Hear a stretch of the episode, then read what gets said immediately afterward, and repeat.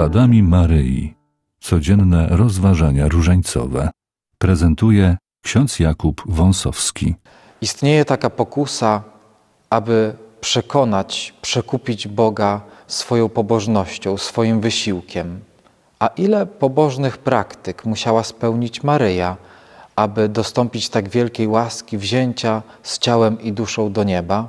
Trafiona w sedno pobożność nie zwraca się ku samej sobie, ale prowadzi do fascynacji Bogiem.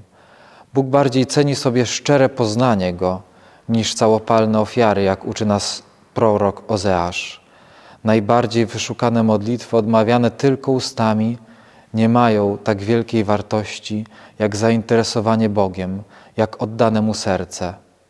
To modlitwa sercem, na dodatek sercem rozkochanym w Bogu, a nie tylko ustami, wprost porywa nas do nieba.